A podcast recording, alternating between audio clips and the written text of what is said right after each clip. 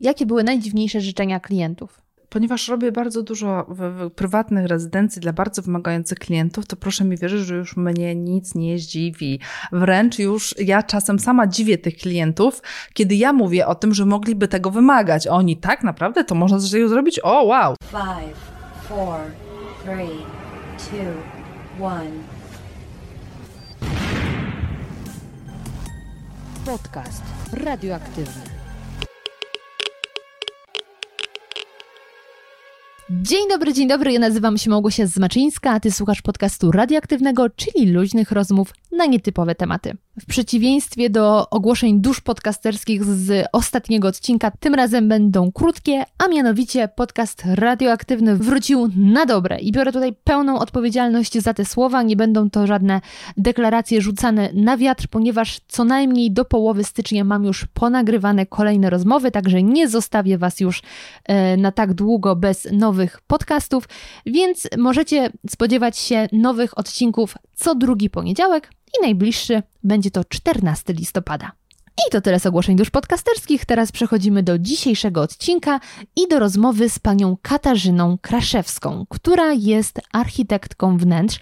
I muszę przyznać, że mm, ta rozmowa przeszła moje najśmielsze oczekiwania, ponieważ tak naprawdę chciałam dowiedzieć się tego, jak projektuje się wnętrza, jak przebiega cały ten proces, a dostałam znacznie więcej. I e, jeśli śledzicie świat podcastów, e, kojarzycie podcast Imponderabilia Karola Paciorka, to przy okazji rozmowy z Michałem Oleszczykiem, Karol dał taki tytuł, że to miała być rozmowa o filmach, a wyszła o życiu. I mam wrażenie, że śmiało mogłabym również zatytułować ten odcinek, że to miała być rozmowa o wnętrzach, a wyszła o życiu. A to dlatego, że pomimo że tym głównym korem są wnętrza, grzeszki polskich mieszkań, sekrety wystroju hoteli, ciekawe nietuzinkowe rozwiązania w takich naprawdę bogatych willach, to jednak jest też dużo o podejściu do życia, o stylu życia i o tym właśnie, co zrobić, aby żyło się lepiej. Także już nie przedłużam i serdecznie zapraszam Was do posłuchania naszej rozmowy. Witam serdecznie w kolejnym odcinku podcastu radioaktywnego i dzisiaj przychodzę do Was, moi drodzy, z panią Katarzyną Kraszewską. E, już tutaj zakulisowo powiedziałam pani Kasi, że bardzo się cieszę na tę rozmowę, ponieważ moje doświadczenie życiowe wskazuje, że Kaśki to są świetne dziewczyny i zawsze dobrze mi się e, z nimi rozmawia. Też słyszałam, że natrafiłam na gadułę, także yy, szykujmy się na dobrą rozmowę. Mam nadzieję, że tak będzie, ponieważ temat jest dla mnie bardzo interesujący, e, ponieważ jest Pani architektem. Czy woli Pani architektką? Bo teraz to feminatywy lepiej dopytać. Jestem architektką wnętrz, e, mhm. jak najbardziej, ale przede wszystkim poza byciem architektem wnętrz, e, obsługa na moich klientów polega przede wszystkim na spełnianiu ich marzeń. Mm, czyli święty Mikołaj zawodowo. E, Święty Mikołaj zawodowo dokładnie, czyli stworzenie przestrzeni, która będzie ich scenografią do życia, tudzież do pracy wiedząc tak naprawdę lepiej czasem niż e, moi klienci, czego oni potrzebują. Czyli czytając z nich e, troszeczkę jak z otwartych ksiąg, e, przez doświadczenie, przez różne kursy i naukę takiej parapsychologii, psychologiki i sposobów, w jaki ludzie w ogóle podejmują decyzje, wypracowałam sobie jakąś metodę pracy z ludźmi, która umożliwia właśnie wyczytywanie tych rzeczy, które czasem czasem są niedopowiedziane wprost, ale wiem, że, że są potrzebne. I ta odpowiedź już jest dowodem na to, że to będzie bardzo ciekawe, ponieważ już teraz zapaliło mi się kilka lampek na zasadzie właśnie, czy pani bardziej pracuje z wnętrzami, czy jednak bardziej z ludźmi, ale do tego dojdziemy. Z ludźmi. No właśnie. więc tutaj sporo musi być tej psychologii. To jest bardzo y, dobra, y, dobre podejście, spostrzeżenie, no bo wnętrza sporo też o nas mówią. natomiast chciałabym zrobić króciutkie wprowadzenie Dlaczego właśnie ten temat? Ponieważ wszystko zaczęło się od tego, że mm, parę miesięcy temu odwiedziłam Katowice. Zatrzymałam się w hotelu, w którym już kiedyś byłam i bardzo się cieszyłam na sam pobyt w hotelu, mhm. ponieważ y, jest tam wnętrze, w którym, którym jakoś dobrze się odnajduję. Mhm. I wtedy tak właśnie pomyślałam, hmm, a jak się projektuje wnętrza hoteli? W sensie, jak to się robi, że hotel ma jakiś charakter? Charakter, który sprawia, że to jest tożsamość tego konkretnego hotelu, a nie y, być może też powód, dla którego nie wybierzemy tego tańszego po drugiej stronie ulicy. Mhm. I jak jak to się robi. E, I w ten sposób trafiłam na panią, ponieważ widziałam, że pani portfolio również są hotele i to takie e, z wyższej półki. Mm, tak. Więc chciałabym tak naprawdę zacząć jednak troszkę od hoteli, a potem przejść na znacznie szersze wody, czyli w ogóle architekturę. Więc co pani na to, że zaczniemy od hoteli? Dla mnie to jest ok. Generalnie rzecz biorąc, myślę, że mm, wiele osób myli to projektowanie z tym, że zaczyna się od designu. Zaczyna się przede wszystkim od tego, żeby poznać potrzeby, czyli żeby zastanowić się, kim jest nasz klient, jaka jest nasza grupa docelowa i czy to jest klient e, w formie właśnie hotelu i jego klienta docelowego, czy to jest prywatny klient, to pierw musimy się zastanowić, czego on potrzebuje i od tego e, wyjść z naszą jakby propozycją, prawda, czyli z naszym projektem od ogółu do szczegółu, czyli pierw od e, samego klimatu, samej, samego takiego vibe'u, które ma mieć dane miejsce, prawda, Które, którego wiemy, że ten klient będzie go potrzebował, bo inny będzie projekt hotelu w Katowicach, inny będzie na Majorce, inny będzie w Dubaju, prawda, bo jest tam inny klient docelowy, tak samo jak inaczej projektuje się wnętrze dla różnych ludzi, którzy zajmują się różnymi rzeczami. Więc pierw musimy trafić, jakby znaleźć potrzeby rynkowe tego klienta, czy on chce wejść do tego hotelu i jak chce wejść, to od razu chce już poczuć, że ciśnienie mu spada, czy chce cały czas czuć ten pęd miasta w sobie, na tym musimy się zastanowić, żeby, żeby właśnie stworzyć taki cel naszego projektu. Przede wszystkim cel naszego projektu, czyli po co my to robimy, dla kogo my to robimy, jakie ten ktoś ma potrzeby, co on chce tam znaleźć, co chciałby zobaczyć, jaki jest budżet tego hotelu, bo to bardzo wpływa na ten, na ten cel oczywiście i, i, i design. No, też jaki jest czas realizacji, bo jeśli mamy bardzo krótki, to jesteśmy okrojeni w wyborze dostępnych materiałów rynkowych i nie tylko. Ale w momencie, kiedy zaczniemy od pytań, to odpowiedzi same przyjdą i one będą bardziej celowe. A w momencie, kiedy zaczynamy od designu, bo widzieliśmy coś fajnego, czy mamy w głowie coś fajnego, ale to kompletnie nie pasuje do tego celu, do tego budżetu, do tego terminu, no to to się po prostu zwyczajnie nie uda, albo będzie tysiąc zamienników i ten projekt wyjdzie jak inspiracja projektu, a nie jak projekt robiony celowo dla jakby danej sytuacji, prawda? Więc ja zawsze wychodzę od pytań. I zawsze wychodzę od tej parapsychologii, psychologiki i też takiego biznesu, ale psychologicznego, od tych potrzeb. A jak odpowiem sobie na te najważniejsze pytania, wtedy mogę dopiero zacząć projektowanie. Rozumiem, że najpierw są te pytania, chociaż pewnie najpierw pyta przed pytaniami jest już sam klient, który przychodzi, potem robi się z nim wywiad. Tak, e, ankietę, taką wywiad e, mhm. bardzo długi, e, żeby szczytać jego potrzeby, ale też czytać między słowami. Mhm. I tutaj każdy projekt będzie indywidualny, właśnie w zależności od tych potrzeb. I myślę, że ten proces nie odbiega jakoś znacznie od projektowania wnętrz dla osób prywatnych, ten wywiad. Ale ciekawa jestem, jakie są jednak takie mm, zasady, o których warto pamiętać projektując wnętrze hotelu, żeby do niego chciało się wracać. I myślę, że w jakimś stopniu jest to na przykład kwestia później w wystroju biały, yy, biała pościel. W sensie trudno jest sobie wyobrazić hotel, do którego pójdziemy i pościel będzie inna. I to jest taka chyba trochę hotelowa zasada, że ta pościel jest biała, materac jest miły. Yy, ale co jeszcze takiego trzeba pamiętać, żeby hotel faktycznie spełniał swoje tutaj cele pod tym kątem? W hotelu najważniejszy jest człowiek czyli klient, który z niego korzysta. E, przede wszystkim, po pierwsze. Po drugie, e, musimy pamiętać, że klient, e, czyli ten nasz człowiek, odbiera tą przestrzeń wielowymiarowo. Czyli jak on wchodzi do tego hotelu, to nie jest tylko te, kwestia tego, że on zobaczy sobie ładne wnętrze.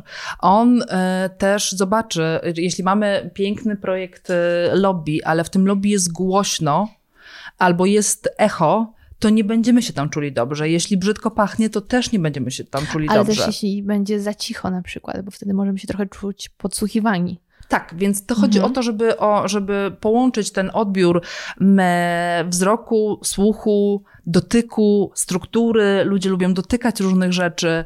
E, jak odbieramy tą pościel chociażby, prawda? Mhm. Pościel odbieramy przez dotyk. Mhm. Jakby jakość dotyku tej, tej, tej pościeli, to czy to jest taka cieniutka bawełna, czy egipska gruba bawełna, czy satynowana, to ma ogromny wpływ na to, jak się czujemy.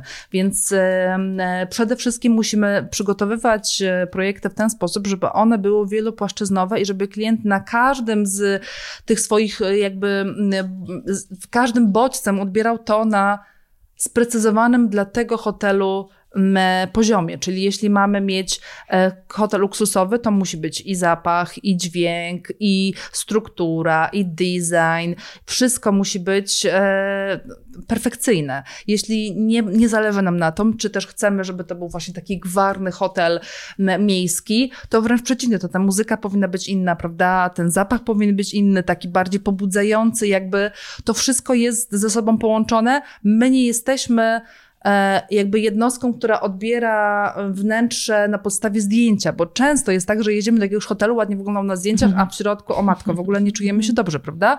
Albo wręcz przeciwnie, jest jakieś wnętrze, które wyglądało ok, ale jest takie spójne, po prostu w środku jest spójne i właśnie o tą spójność chodzi, o to, żeby, żeby ten człowiek, który jest najważniejszy w każdym projektowaniu tak naprawdę przestrzeni dla niego, czuł, że to wszystko jest takie kompletne, że tak jakby te wszystkie bodźce m, spinają się na jednym poziomie e, i to wszystko ktoś przemyślał. Często w projektowaniu hoteli, szczególnie w Polsce, jest tak, że ktoś pomyśli o designie, ale już dźwiękiem, muzyką, zapachem i strukturą, pościelą, to już zajmie się tu pani Lodzia e, z księgowości, tu pani Kasia z marketingu, prawda? I później to jest takie, no jak ktoś, że tak powiem, lubi, a Mhm. niekoniecznie, nie ma tej myśli przewodniej od początku do końca.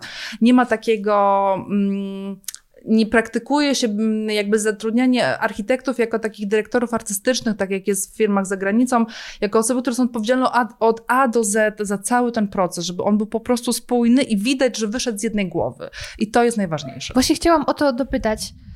Widzę, że Neli też ma jakieś pytania. Em, czyli za, równie mm, jednocześnie pani jest odpowiedzialna za dobór, dajmy na to, tapety albo podłogi, jaka Tak. będzie leżała w tym wnętrzyk i później e, za filiżanki, które w tym wnętrzu Tak, się dokładnie znajdą? tak. Wow. Na, To- tym, na, tym, na tym polega jakby ta, ta spójność, prawda?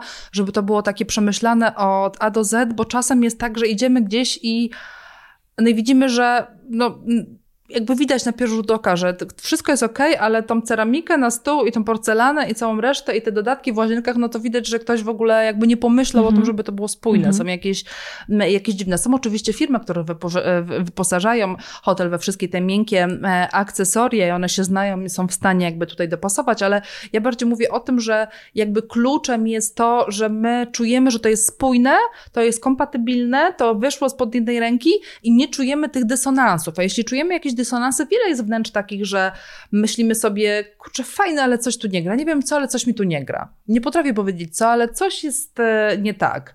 My, my oczywiście jako architekci z doświadczenia wiemy, co jest nie tak, my, ale bardziej chodzi o to, żeby jakby uczulić ludzi na to, że to też dotyczy ich e, w ogóle przestrzeni, w której się przebywa. Jak ona jest taka spójna, taka, że wiadomo o co jakby tutaj chodzi, m, to czujemy się tam tak e, komfortowo, możemy odpoczywać, m, właśnie schodzi nam to ciśnienie, wnętrze może na nas oddziaływać, to jest bardzo istotne. I to, że my wchodzimy do pewnych miejsc i czujemy się w odpowiedni sposób prowadzeni, w dobrych butikach czujemy się od razu, że Jezu, mamy ochotę kupić sobie coś, prawda? W dobrych hotelu, w hotelach mamy ochotę, żeby to po prostu momentalnie ściszamy głos, jesteśmy spokojniejsi po wejściu. Po wejściu do, do hotelu, w dobrej restauracji czujemy się m, jakby od razu tacy spokojniejsi, a w takiej m, m, młodej, modnej restauracji, gwarnej czujemy jak buzuje w nas energia, a jeszcze tak naprawdę nic nie zrobiliśmy, żeby to się wy, wydarzyło, prawda? Więc o to chodzi, że to, ta przestrzeń, w której jesteśmy i te wszystkie bodźce, które nas, które każdy z nas, z naszych zmysłów bombardują, one konkretnie na nas oddziaływują, I to jest piękne, bo możemy w ten sposób zarządzać, e, jak ludzie będą się czuli we wnętrzach, które tworzymy. Y, Tutaj nawet tak e, mówiła Pani o tych wnętrzach, czy to restauracjach, to nawet się na nasz strój przekłada, że mamy ochotę się inaczej ubrać Ależ niż, a oczywiście. mogłabym pójść na to spotkanie w jeansach, ale Tak. Tam będzie tak pięknie, że kurczę, obcasy nawet założę. Dokładnie. Także absolutnie. Mm, a proszę mi w takim razie e, powiedzieć, na którym etapie tworzenia hotelu wchodzi już tutaj, powiedzmy, pani? Bo zastanawiam się, czy to już jest obgadywane, jak będzie wyglądało od środka, zanim w ogóle powstanie bryła budynku, czy dopiero budynek mamy, to są ściany, proszę się przejść, chcemy to i to. E, e, zwykle jest tak, że, jesteś, że im wcześniej, tym lepiej, bo można jeszcze zmienić coś właśnie w bryle, w oknach, w doświetleniu. To jest istotne. My, architekci bardzo często patrzą na budynek z bryły, prawda? Czyli pa patrzą na budynek z zewnątrz. E, dla nas jest istotne to, co klient siedząc przy tym stoliku będzie widział za oknem, prawda? Czy leżąc w łóżku będzie widział za oknem, gdzie będą te jego punkty widokowe. Siedząc w lobby, co on ma za oknem? Czy tam jest coś ciekawego? Czy powinniśmy tutaj właśnie to to mam architekturą zewnętrzną jakoś to jeszcze wymode wymodelować, co z ogrodem. Y, hotelu nie oglądamy y, przez okna tylko w ciągu dnia, w nocy też go widzimy, prawda? W pokojach okna zasłaniamy na, na noc, ale w lobby, w restauracjach ich nie zasłaniamy, więc tam coś musi się trójwymiarowego, jakby podświetlonego znaleźć za tymi oknami. Więc to jest istotne, bo czasem zmiana okien może spowodować, że od środka ten hotel będzie wyglądał dużo lepiej, prawda? Więc ja im wcześniej, tym lepiej. Oczywiście to nie jest tak, że my wchodzimy i, i, łamiemy tutaj jakby koncepcję architektoniczną. Bardziej nam chodzi o to, żeby racjonalnie rozmawiać o tym, jak, żeby to było dobre jakby z jednej i z drugiej strony. Żeby nic, nic nie było jakby kosztem czegoś innego. Fascynująca jest ta praca, absolutnie. Żałuję, że w ogóle nie mam wyobraźni przestrzennej, bo to jest mój bardzo słaby punkt. No ale właśnie, gdzie pani e, szuka inspiracji? To jest absolutnie banalne pytanie, ale y, jednak dużo mówi o, o, całym tym procesie myślowym. Czy bardziej różne koncepcje, już nawet nie w kontekście samych hoteli, ale w ogóle pojawiają się y, w momencie, kiedy idzie pani na spacer, odpoczywa, czyli mózg ma reset i nie jest przebodźcowany, czy raczej w poszukiwaniu tych inspiracji odpala pani Pinteresta, dajmy na to, chociaż nie wiem, czy w ogóle architekci robią to, co często osoby interesujące się na przykład modą, szukając inspiracji stylówki, czy jeszcze jeździ pani po świecie, w innych miejscach, zobaczyć z jakich rozwiązań się korzysta już mówię. E, przede wszystkim Pinterestu używam bardzo mało, bo to jest zjadacz czasu ogromny e, i te rzeczy się tam bardzo powtarzają, więc e, praktycznie go nie używam. Aczkolwiek klienci bardzo lubią wysyłać mi swoje Woodboardy. tablice z Pinteresta dokładnie, pokazujące co dany klient lubi. To jest urocze, fajne i, i, i, i lubię to. Mm, aczkolwiek ja pracuję w takim modelu, no w tym modelu Pomodoro, czyli 25 minut pracy, 5 minut przerwy to jest model, który, który mi bardzo odpowiada. Czyli 25 minut e, jestem w stanie się skupić, 5 minut potrzebuję przerwy na cokolwiek, e, co zrobię. Nie pracuję, kiedy czuję, że jestem nieefektywna, e, bo chcę być cały czas na najwyższych poziomach, jeśli chodzi o jakby obroty w moim mózgu. Bardzo dużo podróżuję też przyjechałam tutaj prosto z, z podróży. Walizkę wyspałam taksówką do domu, a sama tutaj e, przybyłam na to spotkanie, więc, e, więc uważam, że w ogóle podróże kształcą, ale nie tylko na zasadzie pojadę do hotelu i podpatrzę, jak ktoś coś jakby wykonał. To jest tysiąc rzeczy. Natura mnie inspiruje, kolory w naturze mnie inspirują, jak się przenika bryła ziemi z światłem, ze strukturą, jak to połączyć. E, jakby takie rzeczy mnie inspirują. Po pierwsze, po drugie, proszę zauważyć, że mm, klientom podobają się rzeczy, które już widzieli, czyli to, co widzieli na Pinterestie. A sztuka polega na tym, że w nieoczywisty sposób łączymy rzeczy, których jeszcze nikt więcej wcześniej nie połączył. Czyli na stworzeniu czegoś, czego jeszcze ktoś nie widział. I to powstaje w naszej głowie. Więc tak naprawdę ja najczęściej siedzę z kartką papieru albo z iPadem e, i, i szkicuję albo na iPadzie, albo szkicuję na kartce papieru i praktycznie nie ma dnia, w którym bym nie rysowała. I to zawsze zaczynać od szkicy, od koncepcji, od pomysłów. Mm, e, to są szybkie szkice, które pokazują proporcje i ja to po prostu buduję sobie w, w głowie. I widzę to, jak to, widzę to, ale wychodzę właśnie od tego, jak ja chcę tam się czuć co tam ma być, jakby od tego, od, wychodzę z tej emocjonalności, żeby dojść do e, designu i detali. Wspomniałam już, że ja osobiście naprawdę nie mam wyobraźni przestrzennej, co, co uważam jest trochę przegrywem w życiu, bo moi rodzice niedawno urządzali mieszkanie. A ponieważ nie jest to w Warszawie, że mogłam podjechać, zobaczyć, to wiele rzeczy opowiadali mi przez telefon. I dla mnie, kiedy mówili jedną rzecz, o w tym miejscu powstała szafa, tutaj ma takie, że nic mi się przed oczami nie pojawia. Zupełnie nic. I też um, to mieszkanie wynajmuję. Ono absolutnie nie jest przemyślane y, wizualnie, ale znowu, ja nie mam takiej wyobraźni, że pojechałabym do Ikei, mam ograniczony budżet, kupię to i sobie zrobię mieszkanie. Nie mam wyobraźni przestrzennej. To zapraszamy do nas. Na kursy. nie, jak już będę miała swoje mieszkanie, to wtedy się chętnie zgłoszę. Na razie w to nie będę inwestować. Ale to mnie właśnie zastanawia, czy pani wchodząc do pomieszczenia, gdzie nic nie ma, no są ściany, stan surowy, mhm. jest w stanie sobie wyobrazić już tą przestrzeń właśnie. Od razu.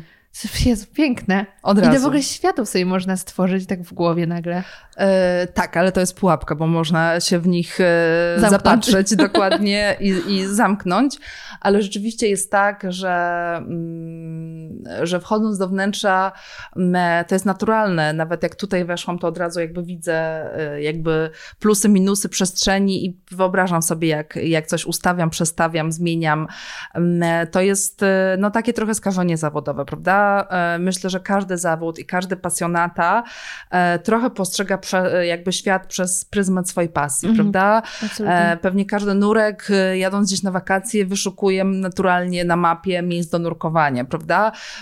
Ja mam jakby, no, projektowanie wnętrz jest moją pasją, ale... Mm, to nie chodzi o samo wnętrze. Jakby ja lubię te wnętrza, one są piękne, ale ja też lubię tą pracę z klientem, tą rozmowę z tym klientem, to, to kiedy, kiedy idę na spotkanie, mam cel i wiem, że to spotkanie jest efektywne, oni są zadowoleni i naprawdę e, cieszą się, że mają fajne wnętrze. To jest, myślę, że no, dla mnie sam ten proces projektowy to jest coś, co mnie bardzo kręci. Na samym początku naszej rozmowy wspomniała Pani, że właśnie stworzy Pani scenografię dla ludzkich żyć, tak naprawdę, dla tych klientów, e, do tak, ich oczywiście. życia. I zastanawiam się, czy w momencie, kiedy już e, odkryła Pani, bo zaraz dopytam o to, jak to się zaczęło, odkryła Pani w sobie tą pasję do tworzenia przestrzeni, tworzenia e, dekoracji, to nie miała najpierw Pani myśli, a może w stronę teatrów jakiejś dekoracji pójść? W ogóle nie, w ogóle nie. To odkryłam tą pasję przez czysty przypadek. E, to było chyba w ósmej klasie bo szkoły podstawowej. Ja zawsze lubiłam rysować, e, malować, e, ale chciałam być prawnikiem. Wcześniej jeszcze lekarzem, ale dzięki Bogu nie zostałam. I trafiłam na ciocia mi przywiozła, która pracowała w wydawnictwie Twojego stylu, przywiozła mi kilka Twoich styli. Tam na końcu twoich, Twojego stylu było takie pierwsze ładne mieszkania pokazywane. Ja jak zobaczyłam te ładne mieszkania, e, a mieszkałam zawsze z rodzicami na 40 metrach kwadratowych e, z, z bratem, rodzicami i pracownią kaletniczą taty, e, na łóżku piętrowym sosnowym, to dla mnie, jak zobaczyłam te wnętrze, było matko boska. W ogóle odkryłam jakby inny świat. I stwierdziłam, że jak ja bym mieszkała w takim wnętrzu, to ja bym zupełnie inaczej się czuła. I zastanawiałam się, jak to by było, gdybyśmy na przykład wszyscy mieszkali w takim wnętrzu. Prawdopodobnie wszyscy w domu byśmy się inaczej czuli. E, I, i z tego właśnie wyszła ta moja pasja. I potem się, potem szybciutko e, zastanowiłam się, jak można być architektem wnętrz, co trzeba zrobić, więc zobaczyłam, że są takie studia na Akademii Sztuk Architektura Wnętrz, no że wcześniej może wypadało być do liceum plastycznego. E, i, w, i co, już siadłam, narysowałam te 10 rysunków, żeby złożyć chusteczkę i dostałam się na, e, do liceum plastycznego, później na Akademię Sztuk Pięknych i tak to poszło. To niesamowicie szybko odkryła Pani swoją drogę życiową. Ósma klasa podstawówki to jest jakieś 14, 14 lat. lat. Tak. Wow. Myślę, że jeśli większość osób tego słucha, to w wieku 14 lat, podobnie jak 24, nie mają pojęcia, co robić z tym życiem. Także to absolutnie powołanie jest.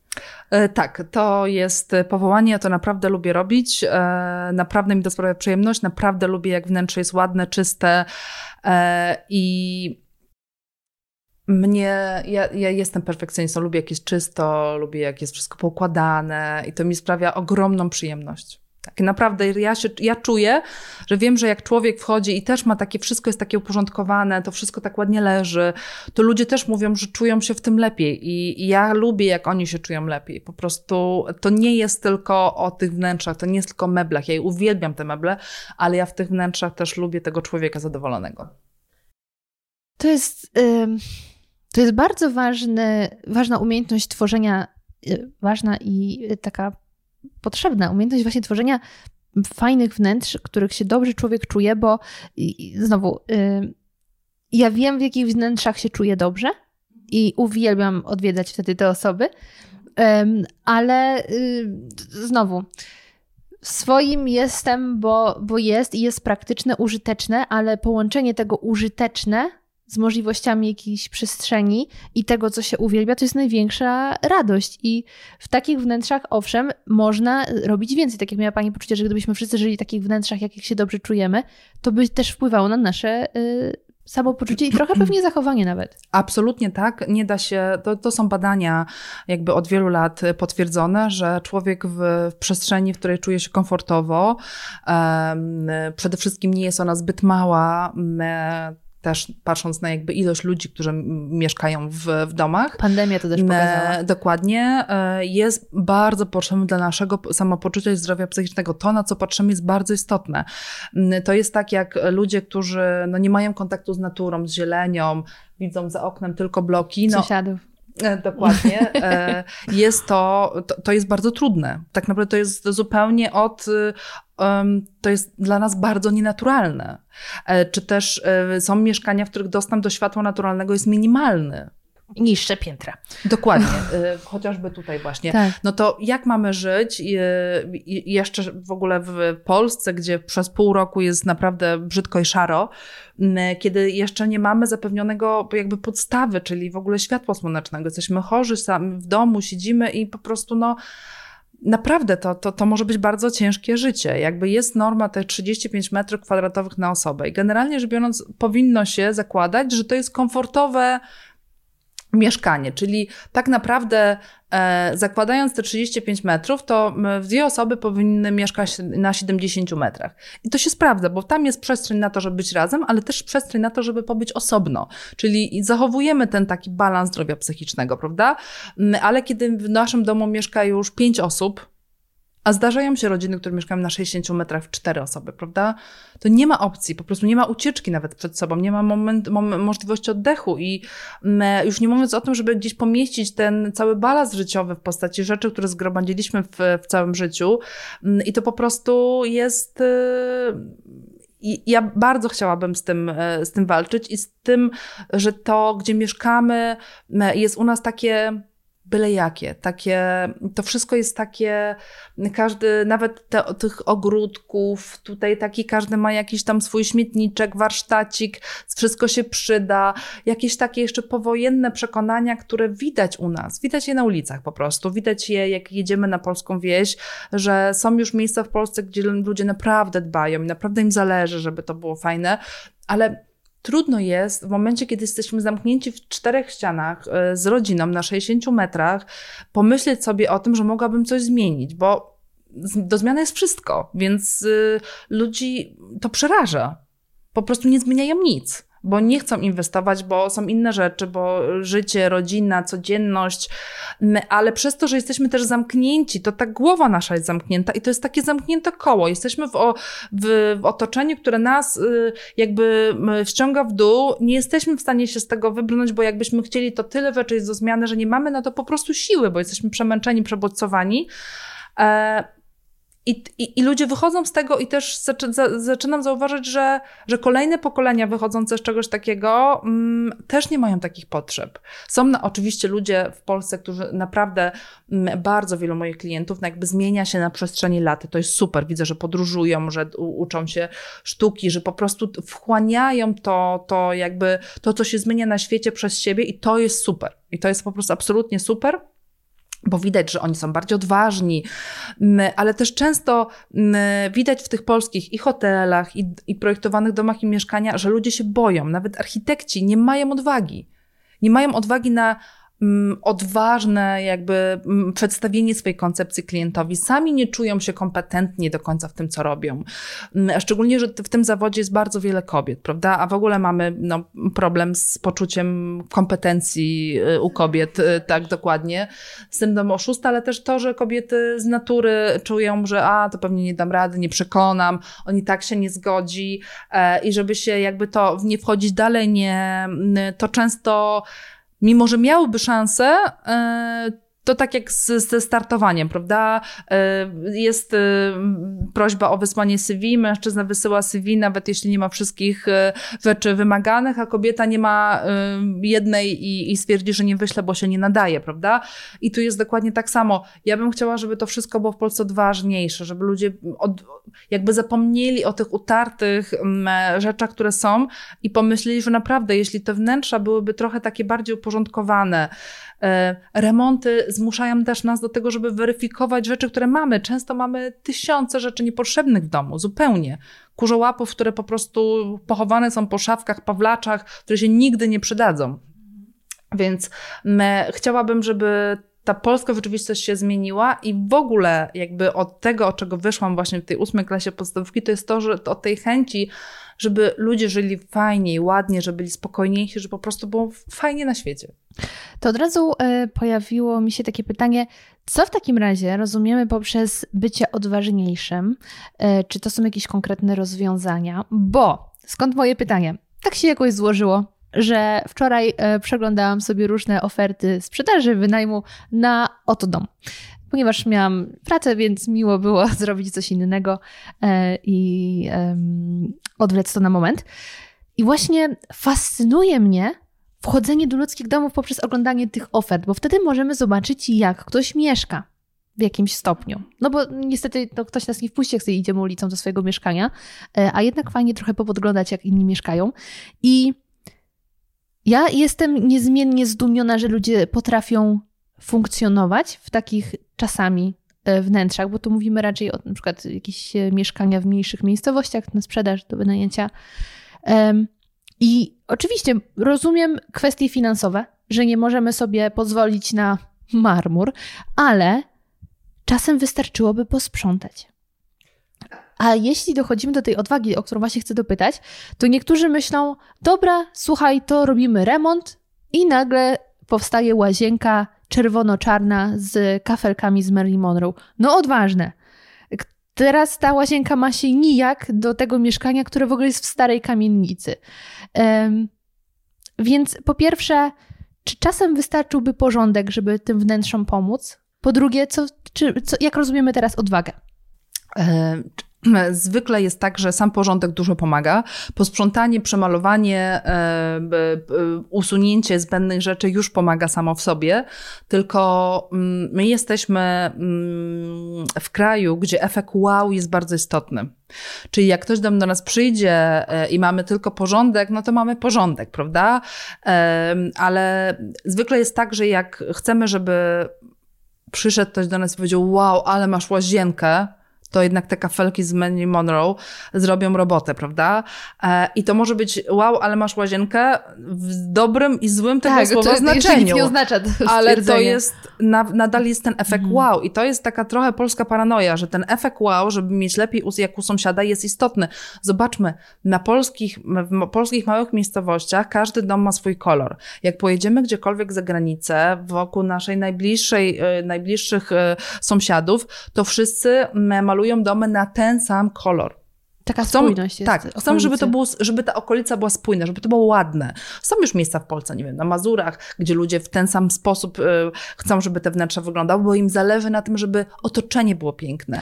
Ale to A nawet... u nas my się nie, nie, jakby nie czujemy częścią wspólnoty. To nawet w blokach widać starszych, bo nowe często mają zasady, że nie możesz sobie przemalować y, wnętrza... Y, lodzi czy balkonu. Lodzi, tak. tak. balkonu. A jeśli nie ma tych regulacji, to... To każdy od Elewacja jest y, zielona, ale czemu nie zrobić tej czerwonego y, środku, środka swojego balkonu. Tak, dokładnie tak, bo to jest właśnie to, że my nie czujemy się odpowiedzialni, odpowiedzialni za całą wspólnotę i za otoczenie. W ogóle nie czujemy tego, że jesteśmy częścią czegoś dużego. My się czujemy jakby sami, mm, sami pozostawieni. To jest takie postkomunistyczne niestety jeszcze myślenie. E, który ma swoje jakby dużo plusów i dużo minusów. Jak popatrzymy znowu na te postkomunistyczne kraje, to jednak tam ranga kobiety jest dużo większa w pracy niż w krajach, gdzie nie było komunizmu. Jakby patrząc nawet na skalę Europy, jest więcej kobiet pracujących, kobiety są na stanowiskach wyższych, w, nie wiem, w Niemczech i, i, i we Francji nie jest to takie oczywiste, prawda? Aczkolwiek to jest to, że tam się ludzie czują wspólnotą, jakby, że są razem, a u nas jest tak, że każdy sobie rzepkę skrobie i my jakby kogoś na, na wsi zapytać, czy w małym miasteczku, że fajnie byłoby, jakby tutaj w tej okolicy wszystkie domy były takie same, bo, bo wtedy ta okolica wyglądałaby ciekawiej, wzrosłaby wartość ich nieruchomości. To jest coś, co jest absurdalne dla nich jeszcze. Bardzo wiele ludzi nie, nie uważa, że ich domy to jest ich, to jest ich wartość w ogóle. To, to, że ta wartość nieruchomości rośnie, to, że mogą z tą nieruchomością coś zrobić, w ogóle nie nie, jakby nie patrzą na to w ten sposób. Już teraz świat pokazuje, że robienie domu docelowego jest absurdem, bo naprawdę niewiele osób będzie w tym dokładnie domu żyła już cały czas. To kiedyś było takie. Mm, kiedyś o ten dom się dbało, to był dom rodzinny i tak dalej, ale to było dawno, dawno temu. Po wojnie to się wszystko z, zmieniło i te domy są takie powojenne, no takie z czego tam udało się zbudować, to jest zbudowany. I straszą te koszmarki na, na polskich wsiach. Ludzie to niektórzy młodzi wracają na te wsi, na te wsi się, próbują coś jakby przebudowywać, robią coś, coś nowego i fajnie, fajnie, że wychodzą z tą inicjatywą, ale znowu wychodzą z tą inicjatywą w taki sposób, to zróbmy to nowoczesne, to zróbmy, żeby było białe i grafitowe okna, jakiś prosty klocek, nie patrzmy na proporcje. Jakby u nas brak jest um, tej subtelności bo nam wszystko zależy na czasie, mamy mało pieniędzy. To wynika z tego, że jesteśmy po prostu biednym krajem, który się jest w trakcie zmian. E, jest u nas ta historia bardzo burzliwa mm, i jeszcze wiele lat przed nami, żeby to wszystko było ładne, ale naprawdę są już ludzie, i my takich obsługujemy, którzy chcą mm, od tych nieruchomości więcej. E, I chcą, żeby pracować z ludźmi, którzy się na tym znają, którzy wiedzą, na czym polega to więcej, na, na, na czym polega umiar. Na czym polega umiar, żeby było złoto, ale jednak y, bez. Y, złoto, ale skromne. Dokładnie. W tym dobrym tego słowa znaczeniu, a, tak. nie, a nie złym, prawda? Na tym to polega, na tym wysublimowaniu, na tym wyważeniu. To jest bardzo trudne, bo nie da się określić, co, czym jest wyważenie albo wysublimowanie, czym jest elegancja. To są pojęcia, które są tak względne, że dopóki nie przedstawimy komuś na zdjęcia, to ci się wydaje, że, jest, że ci się podoba, eleganckie, to tak. Dlatego też zawsze przedstawiamy e, klientom e, e, nasze projekty na wizualizacjach, bo bardzo wiele osób nie ma wyobraźni przestrzennej. Wiedzą, co im się podoba, ale nie są w stanie tego. Jakbym im opisała, to by po prostu od sasa do lasa w ogóle każdy sobie inaczej wyobraża, prawda? Zresztą czasem klienci widzą na wizualizacji i myślą, nie, ja nie czuję tego. Po czym proszę o zaufanie, wykonujemy daną rzecz i myślę sobie, Jezu, ja w ogóle tego tak nie widziałam. Ja myślałam, że tutaj, że to w ogóle będzie inaczej. Teraz to mi się podoba. I Brzmi to... jak ja. I to jest, i to jest, e, i to jest niesamowite. E, i jaka to jest ogromna odwaga ze strony tych inwestorów, że ufają komuś, nie widząc tego. Bo to jest ogromna odwaga, prawda? Że widzę, że ta osoba robi fajne, fajną robotę, fajne są te wnętrze, nie czuję tego, sama tego nie widzę, więc y, spróbuję jakby zaufać. To uważam, że jest ogromną odwagę ze strony inwestorów, dlatego mega lubię pracować y, z odważnymi osobami, a ja też odważnie jakby podchodzę do tego projektowania. Jeśli klient mówi, nie, nie lubię tego, ja mówię, okej, okay, dobra, rozumiem, ale spójrzmy na to z drugiej strony. Jeśli coś mi nie wychodzi, widzę, że to jest takie ulepione, ciężkie, nie ma właśnie tej subtelności w sobie, myślę sobie, dobra, zostawiam to, e, pójdę się na chwilę przewietrzyć, wracam do tego i patrzę na to jakby od początku, w ogóle od innej strony. Bo czasem jest tak, że spojrzenie, jakby wywrócenie wszystkiego do góry nogami powoduje wow, o rozwiązanie było tur za rogiem, prawda? Tylko, tylko tak ulepiłem, że to jest dobre rozwiązanie, nie chciałam się cofnąć. A czasem to cofnięcie powoduje, że praca nam pójdzie dwa razy e, szybciej do przodu. Tylko w momencie, kiedy czujemy, że nie czujemy w sobie tego poczucia kompetencji, nie czujemy, że jesteśmy właściwą osobą właśnie, mamy ten trochę syndrom oszusta, Boże, oni zobaczą, że ja nie mam doświadczenia czy cokolwiek, to, to jak mamy z tego jakby poziomu, tego braku poczucia, że jesteśmy właściwą osobą na właściwym miejscu, przekonać kogoś do siebie i do, do swojego pomysłu. Sprzedaż projektów, sprzedaż pomysłów me, i umiejętność komunikowania się z drugim człowiekiem e, a propos jakby i wywierania wpływu na te decyzje, które on podejmie, to jest bardzo ciężka sztuka. Tego powinni uczyć na studiach a tego nie uczą niestety. Więc e, stąd też te ostatnie kursy, które zrobiłam, żeby pokazać architektom, że oni mogą być naprawdę odważni. Mogą powiedzieć, to nic nie kosztuje wyjście z inicjatywą. E, a u nas generalnie rzecz biorąc mamy czasem problem z inicjatywą. Widzimy, że ktoś jest pasjonatem, ale jak spotykamy się z bardzo wieloma wykonawcami, z branży przeróżnej, to mamy wrażenie, że każdy tak od A do B, prawda, swój odcinek, ale bez inicjatywy. Nie powiedzą, ale wie pani co, ja, jakby fajny ma pani pomysł, ale proszę zwrócić uwagę, że to chyba bez sensu, bo jakby, nie wiem, inwestować w to, może zróbmy mniejszą wersję, albo jak pani już to robi, to proszę, żeby to może tutaj ten, tutaj coś zmieńmy i będzie lepiej, prawda. Dotyczy to wszystkiego tak naprawdę. Nawet lekarze nie wychodzą inicjatywą. Ja nie wiem, co pani dolega, to nie są nerki, ale proszę zbadać coś jeszcze. Tylko no, ze strony nefrologicznej Dziwną nie wszystko, e, jakby wszystko jest okej, okay, prawda? E, dobrze, to chciałabym teraz zapytać troszkę o pani drogę. Kiedy mhm. już była pani tutaj, weszła pani już na swoją ścieżkę zawodową, trochę lat upłynęło, nabyła pani doświadczenia, ale nie dość, że na pewno zmieniał się pani styl, to też zmieniał się w ogóle styl. Bo po czym na przykład rozpoznać, z którego roku jest ten blok? No jak się wchodzi od strony jednej, to jest. Um, ściana, ja nie wiem jak to się nazywa, ale takie szklane. Luxper. Właśnie. I to są y, jeden prosty przykład, jak poznać z jakich tak. czas. Tak. 90. początek 2000 tak. jeszcze gdzieś y, się przewijały. Mm, więc jak właśnie te wnętrza, które pani projektowała, się zmieniały? I czy są jakieś rozwiązania, które była kiedyś pani ich wielką zwolenniczką, dzisiaj troszeczkę to taki, no, mm, trochę guilty, że się w to szło, czy jednak y, wychodzi się z założenia, to jest wnętrze, które ma służyć komuś na 10 lat, a potem ich robi remont, bo wiadomo, że to się zmieni. Także ciekawa jestem, jak właśnie z dzisiejszej perspektywy ocenia Pani swoje wcześniejsze prace. Generalnie rzecz biorąc, ja e, zawsze wychodziłam z założenia, że e, remont każdy może zrobić, ale wnętrza powinny być ponadczasowe. Że chwilowa moda e, i jej uleganie m, mm, może być. E, bardzo, to po pierwsze. Po drugie, ja uwielbiam modę e, i, i lubię, jak ludzie się e, ubierają odważnie i uważam, że to jest super naprawdę. Mm, aczkolwiek nie do końca czuję, e, że powinniśmy jakby, powinniśmy być odważni jak w modzie, jeśli chodzi o dodatki, o meble, o rzeczy, które możemy zmienić zawsze we wnętrzu. Ale jeśli chodzi o samą tkankę, o, o jakość materiałów, o to, jakby o, te, o tę taką strukturę danego, danej przestrzeni, podłogi, drzwi, nie wiem, łazienki i tak dalej, to powinno być po prostu takie, że się zawsze obroni. Że możemy dodać tam coś naprawdę nowatorskiego i nadal się to obroni, bo na tym polega taka ponadczasowa elegancja. Mm, I ja zawsze te wnętrza tak e, projektowałam. Nie czuję, że Wiadomo, że te wnętrza, które projektowałam, ja zaczęłam projektować od 2004 roku, więc za dwa lata minie 20 lat, jak jest, pracuję w zawodzie.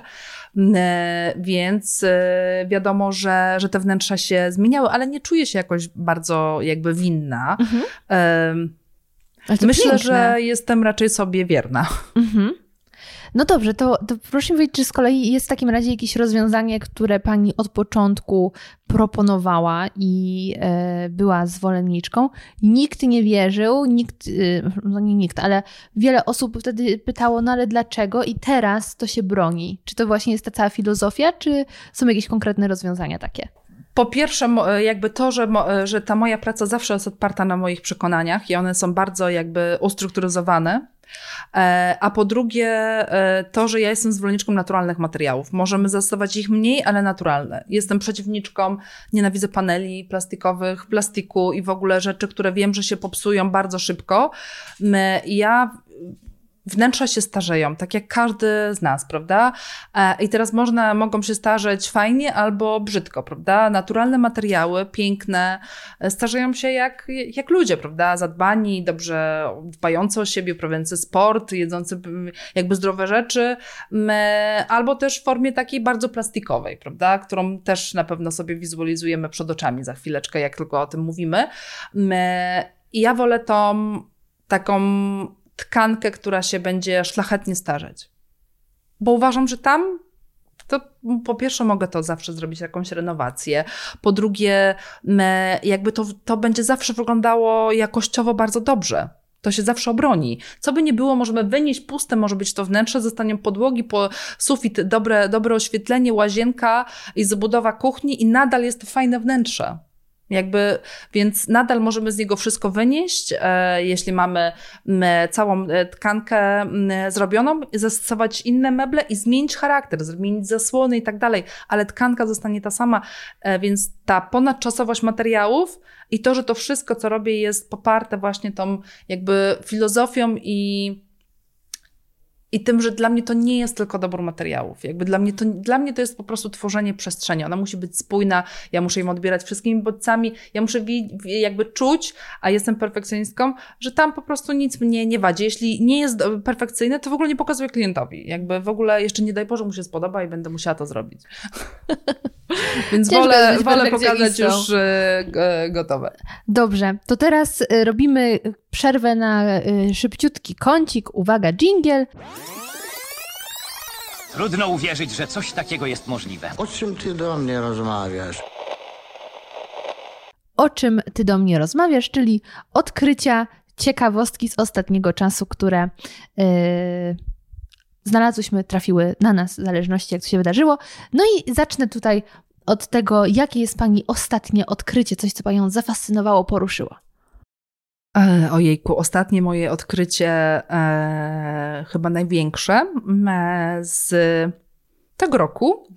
E, to jest to, e, bardzo zaangażowałam się w naukę mm, NLP, czyli neurolingwistyki. E, I zarządzanie decyzjami innych ludzi pod wpływem ich emocji. Mm, lekka manipulacja taka. Czadowo. ja studiowałam psychologię w biznesie, także bardzo cenię takie tematy. E, trenowałam na mężu od 15 lat i myślę, że jestem już perfekcyjna w, w tym. E, nie do końca wychodzi mi z moimi dziećmi, ale myślę, że one są po prostu wyższą wersją mnie samej, więc e, już mają Sama to... pani stworzyła te potwory. Sama stworzyłam te potwory, mają już ten próg od razu wyższy. My to po pierwsze. Po drugie, e, bardzo e, przez ostatni czas bardzo e, intensywnie rozwijam w ogóle biznesowo firmę. Rozwijamy się w, na też różne rynki i też tworzymy nowe, no w ogóle nowe, nowe przestrzenie. Teraz wyszliśmy mocno w automatyzację procesów takich stricte biznesowych. Inwestuję w zespół i w ludzi, którym mogę ufać i uczę się zarządzać ludźmi jako lider, jakby nie tylko jako jako architekt, ale jako lider.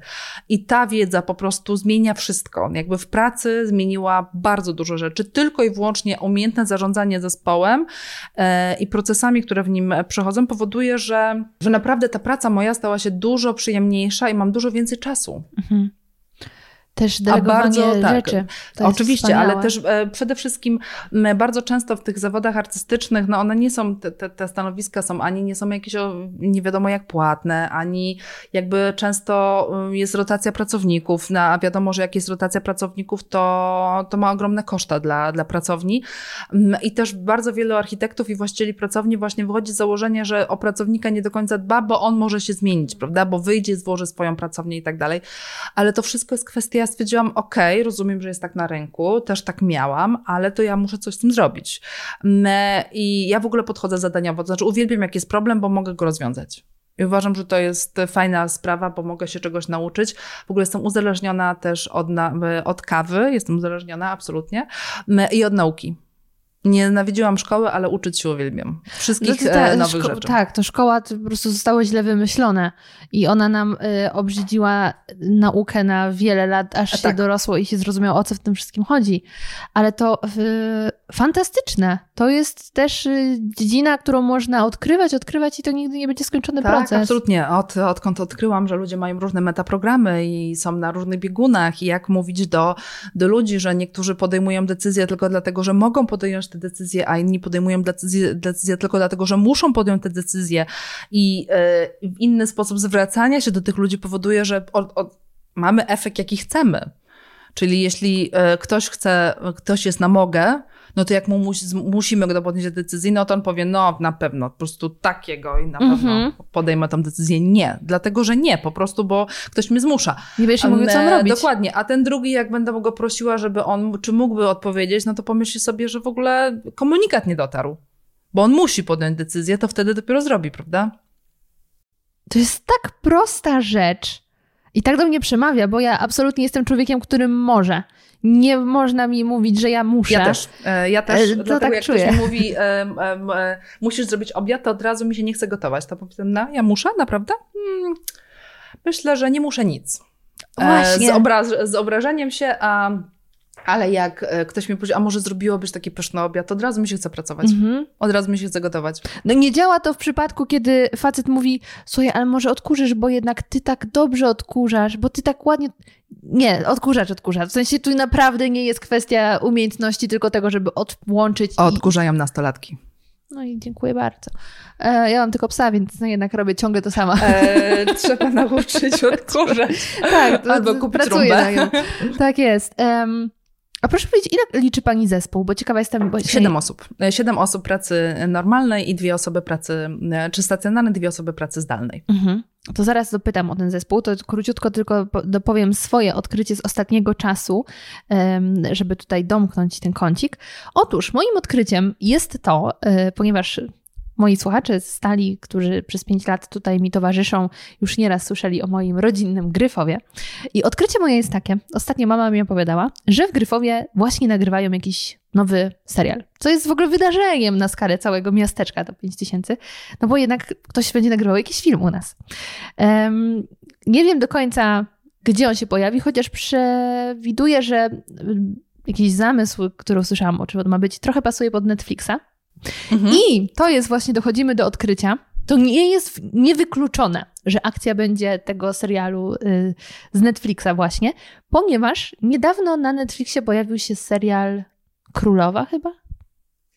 Tak, dokładnie. Bardzo, bardzo, Polski. bardzo fajny, tak. Tak. I okazuje się, że niektóre sceny nagrywali u nas, a dokładnie sceny fabryki, ponieważ on jest krawcem i tam jakaś Mhm. Tak, tak. ja tak, nie tak. obejrzałam do końca tego serialu i teraz czuję po prostu winę i nadrobię, ponieważ e, właśnie w, w Gryfowie znajdowały się ogromne e, zakłady mm, Tkaczy. krawieckie. Mhm. Tak, to była ogromna firma e, Gryfex i tam nawet ta brama jest widoczna. Także uwaga, moi drodzy, odkryciem jest to, że Gryfow był na Netflixie, nie tylko w moim podcaście. E, I tym optymistycznym akcentem w oczekiwaniu na kolejną produkcję prosto z Gryfowa zamykamy kącik. O czym ty do mnie rozmawiasz? O czym ty do mnie rozmawiasz? Niestety trzeba było wyciąć bardziej soczyste wiązanki. I wracamy do rozmowy.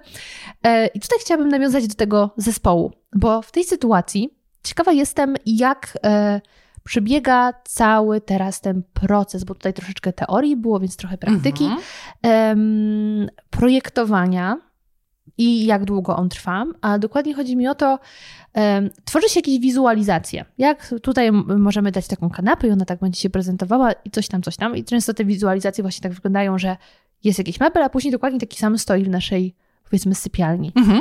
No i teraz pytanie, czy wizualizacje tworzy się już po tym, co się widziało na rynku, czy się tworzy wizualizację, a potem szuka się po setkach sklepów, żeby właśnie taki mebel znaleźć? Bo to mnie fascynuje, że to się da przełożyć. To już powiem, jak to wygląda. Podzielę to na takie e, trzy, e, trzy e, działy tą odpowiedź, Mhm. bo to jest temat rzeka. Zresztą, jak to chyba wszyscy zauważyli, ja lubię mówić o, O, tym, co, ja lubię teraz o, tym, co, o tym, co robię. E, Przede wszystkim, e, jeśli chodzi o zespół, my akurat jesteśmy w trybie e, bardzo e, szerokich zmian. My ustalamy sobie założenia takie, że każda z doświadczonych osób, czy z głównych projektantów, zajmuje się jednym projektem i tego klienta prowadzi, czy jest osobą do kontaktu dla tego klienta. Czyli taki account. tak, dokładnie Mhm. tak. Co, to, co jest też istotne, to to, że my co tydzień, przynajmniej raz w tygodniu, mamy takie godzinne spotkanie, e, które omawia wszystkie projekty i wszystkie problemy, które pojawiają się na każdej z budów i projektów, a mamy tych projektów zwykle około 20 na raz. Więc tych rzeczy rzeczywiście jest bardzo dużo, to po pierwsze, po drugie... precyzuję tylko, to są i prywatne y, zlecenia, i, komercyjne. publiczne. Okej. Jest Wow. tego bardzo dużo. I my naprawdę jakby dbamy o to, e, ja dbam o to, żeby mieć ten czas na to, żeby usi- usiąść z zespołem i ustalić, gdzie oni potrzebują jakby mnie, czy też gdzie potrzebują siebie nawzajem, żeby, żeby sobie z, z tymi projektami lepiej e, poradzić. To jest raz.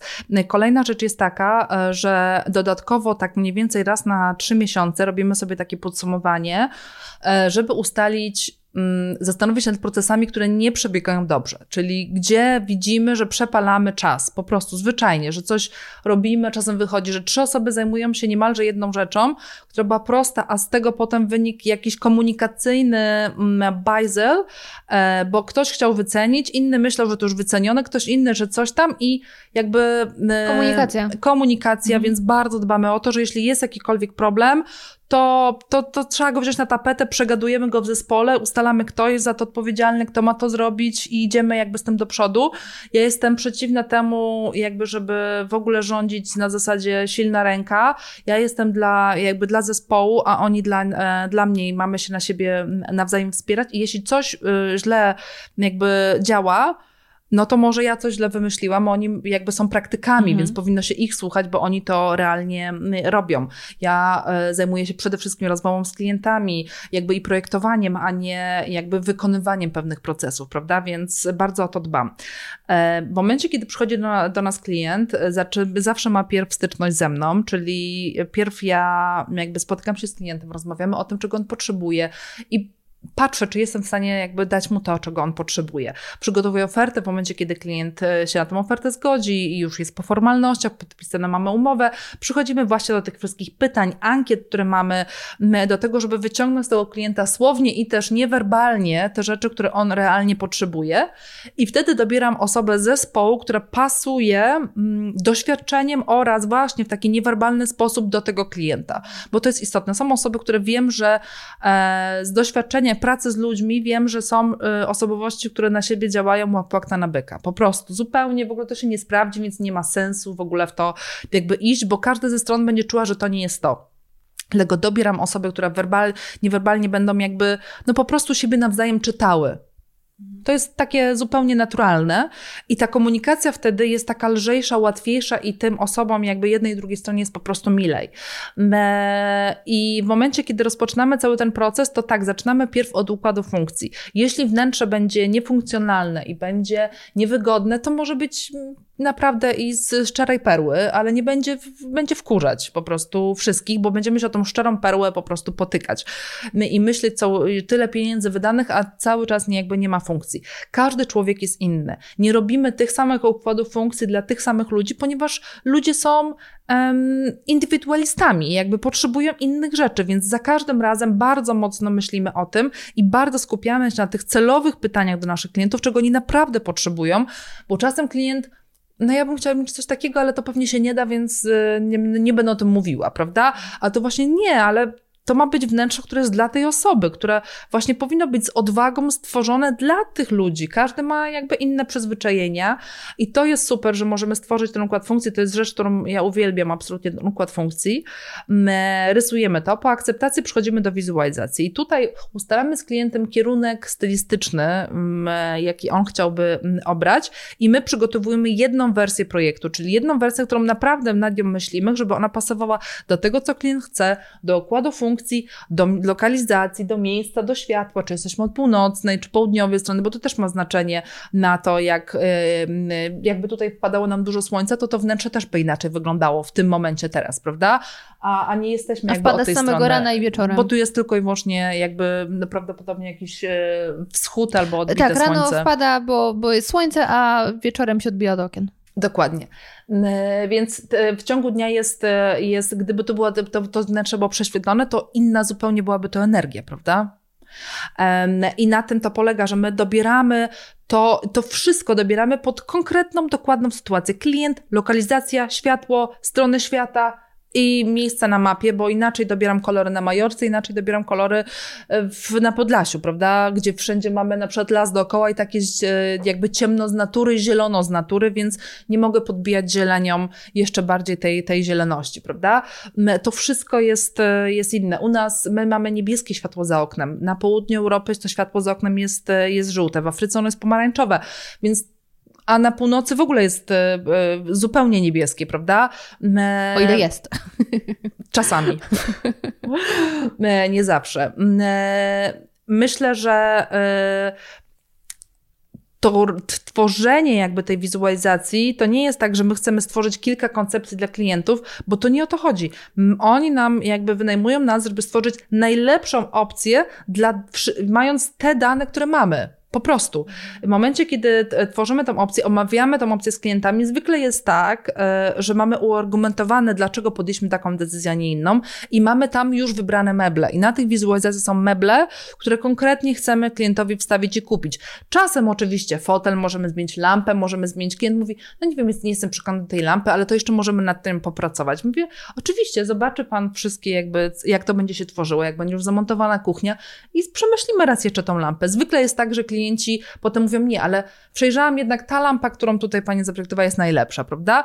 My jakby nie zmuszamy ich do tego, że to musi być to w 100%. Możemy zmienić jakby, nie wiem, sofę o, o, o model inny, ale to będą niuanse tak naprawdę, bo koncepcja wnętrza jest jedna. Po pierwsze, po drugie, mamy zawsze w tym wnętrzu dominanty, czyli rzeczy, które są tłem dla tej rzeczy, która jest najważniejsza w danym projekcie. I tej rzeczy nie możemy zmieniać, bo ona jest dominantą po prostu całości. A to, czy to będzie jakby tutaj tak, jeśli ten fotel jest dominantą, to go nie zmieniamy, ale jeśli on jest tłem, no to możemy go zmienić na inny podobny, prawda? To wszystko zależy, gdzie jest waga tego wnętrza, gdzie jest waga tej kompozycji.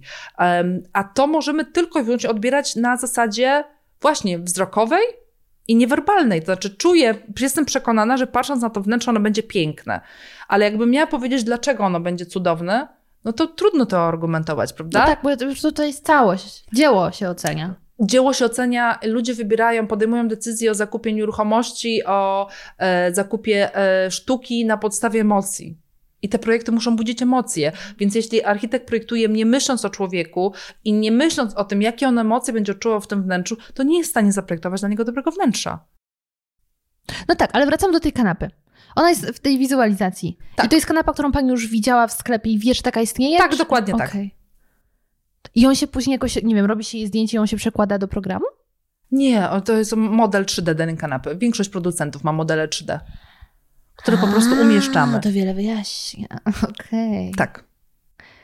No to fascynujące. No to, to jest bardzo szeroki y, proces. I mm, jest Pani w stanie oszacować, ile może trwać, powiedzmy, stworzenie mieszkania? Bo też y, widziałam, y, chyba na stories Pani u siebie gdzieś pisała, że Wy nie zajmujecie się zaprojektuj mi łazienkę, tylko całe wnętrza jako e, tak, zamknięte. Tak, bo generalnie zajmujemy się obsługą jakby całych e, inwestycji, czyli jak przychodzi do nas klient, to on ma mm, jakby pewność, że ja jestem takim dyrektorem artystycznym całego jego jakby spektaklu. Tak, dokładnie tak.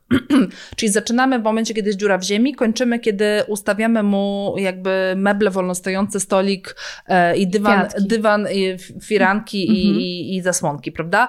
Um, czyli na tym, w, w momencie, kiedy wnętrze jest skończone tip-top i wiemy, że to będzie funkcjonowało, to wtedy dokładnie kończymy jakby całą tą, tą pracę.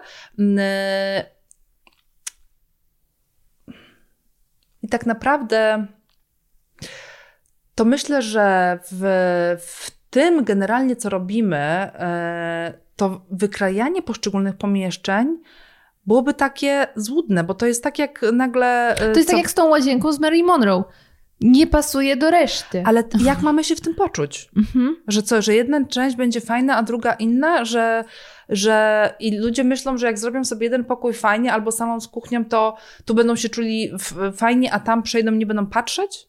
Już nie mówiąc o takim aspekcie bardzo prostym, jak na przykład podadzą wykonawcy projekt instalacji elektrycznej tylko do połowy mieszkania albo do połowy domu, a resztę będą ustalać palcem na ścianie No myślę, że to po pierwsze sami będą zmęczeni tym procesem, bo jak ma, nawet ten, z, jakich dokumentów wykonawca ma wycenić pracę, jeśli ich nie będzie miał? Bo będzie miał tylko wycinek całości zaprojektowany, a resztę, Pani Kaziu, to Pan zrobi tam jakieś tam te gniazdka przy podłodze Pan zrobi, a tutaj będzie biurko, to Pan zrobi jakieś biurko, no ale to jest istotne, jakie będą, jak to wnętrze będzie wyglądało, czy naprawdę tu będzie biurko, czy po prostu mi się wydaje, że tutaj będzie biurko.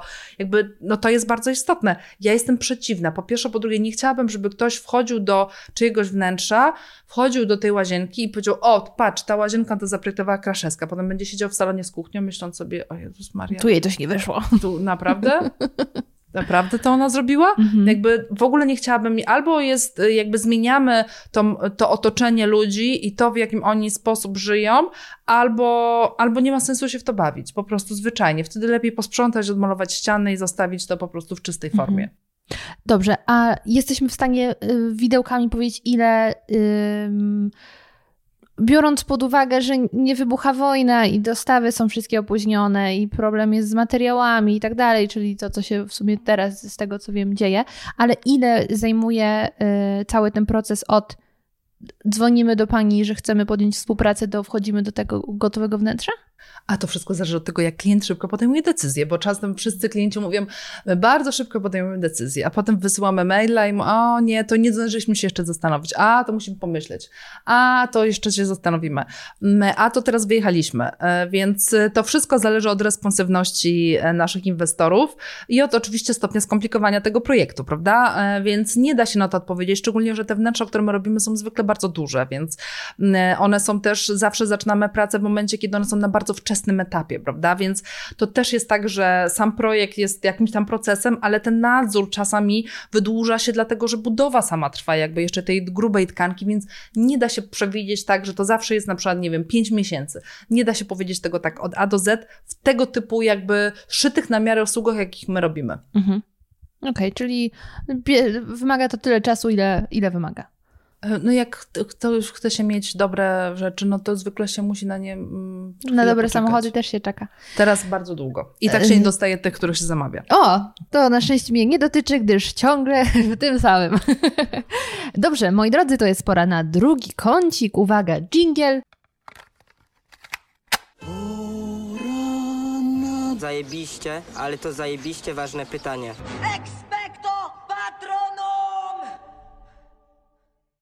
Expecto patronum, czyli pytania od patronu. Wezmę od razu Neri, zanim zaczniesz czekać, bo ktoś idzie korytarzem.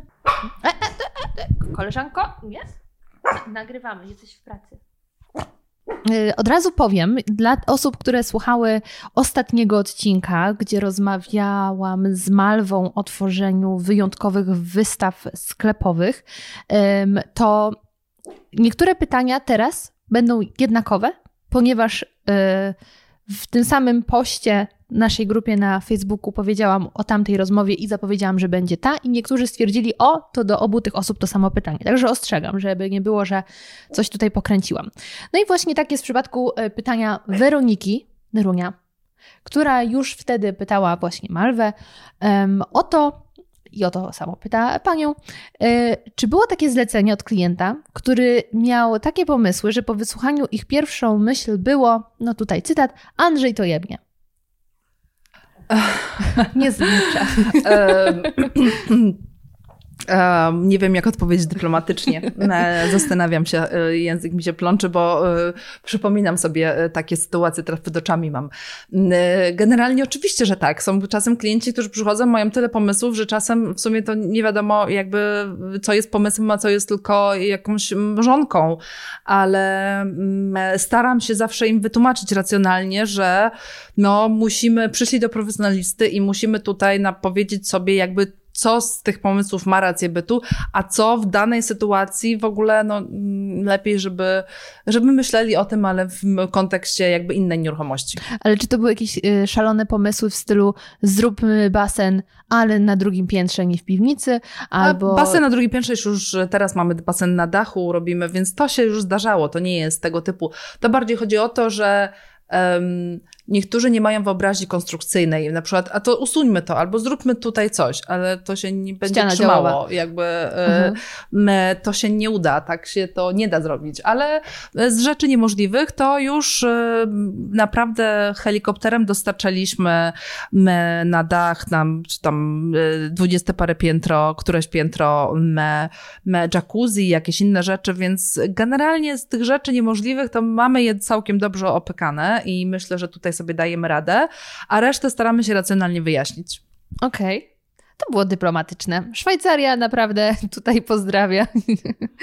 E, Dobrze, kolejne pytanie jest od Moniki. E, Pierwsze, jakie były najdziwniejsze życzenia klientów? Ponieważ robię bardzo dużo w, w prywatnych rezydencji dla bardzo wymagających klientów, to proszę mi wierzyć, że już mnie nic nie zdziwi. Wręcz już ja czasem sama dziwię tych klientów, kiedy ja mówię o tym, że mogliby tego wymagać. Oni tak naprawdę to można coś takiego zrobić? O, wow. My... Nie ma czegoś takiego, że coś było takiego najdziwniejszego. Ja uwielbiam wyzwania, więc dla mnie nic nie jest dziwne, bo dla mnie wszystko jest, jak, jak coś jest nowego, to jest ekscytujące. Ja się tym po prostu spalam myślą, o Jezu, Jezu, nie robiłam czegoś takiego, muszę to koniecznie przemyśleć, zastanowić się, zrobić yy, i ja już yy, jestem w stanie w nocy o północy po prostu szkicować, myśleć sobie, jak ja to zrobię, jak ja to zamontuję na tym suficie i wymyślać kotwy chemiczne, inne rzeczy. Ale co jakby... może sam... Znowu, wracamy po pierwsze do mojej bardzo przyziemnej postawy życiowej i po drugie braku wyobraźni przestrzennej i ja sama nie wiem, co można uznać za dziwne. Więc co na przykład ktoś chciał na suficie zamontować? A teraz robię na przykład garaż z, z lustrzanym sufitem całym. I musimy tak zamontować lustrze, żeby, Żeby nie nie spadły. spadły. No bo to pewnie drogie samochody. Dokładnie.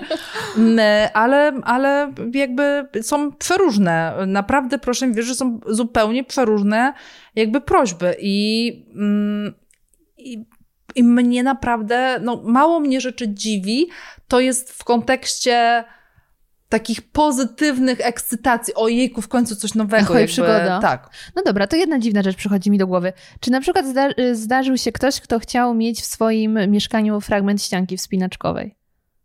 Tak, jasne, w pokojach dziecięcych, w takim pokoju do... Tak, jak najbardziej. Ale to czyli taka na małą skalę, nie że tam na... y, E, nie, na dużą skalę jeszcze Okej. nie, ale teraz na przykład robimy dwa domy z krioterapią, e, jeden dom z komorą normobaryczną w Niemczech. Więc y, już mnie, jak teraz pytam się klientów, a jeszcze komora normobaryczna, może krioterapia, a nie tylko sauna. Boże, jak ja chciałabym kiedyś być panią, pani klientką. Muszę na to ciężko pracować, ale warto. E, Dobrze, kolejne pytanie. Czy jest jakiś e, czy jest jakiś trend, który jest, był bardzo popularny, ale w codziennym życiu jest cholernie niepraktyczny? Coś w stylu ogromnych okien, które trzeba ciągle myć i zasłaniać w upały, czy jakiegoś materiału, który jest bardzo niewdzięczny w utrzymaniu? Czarny, błyszczący blat w kuchni. Mhm.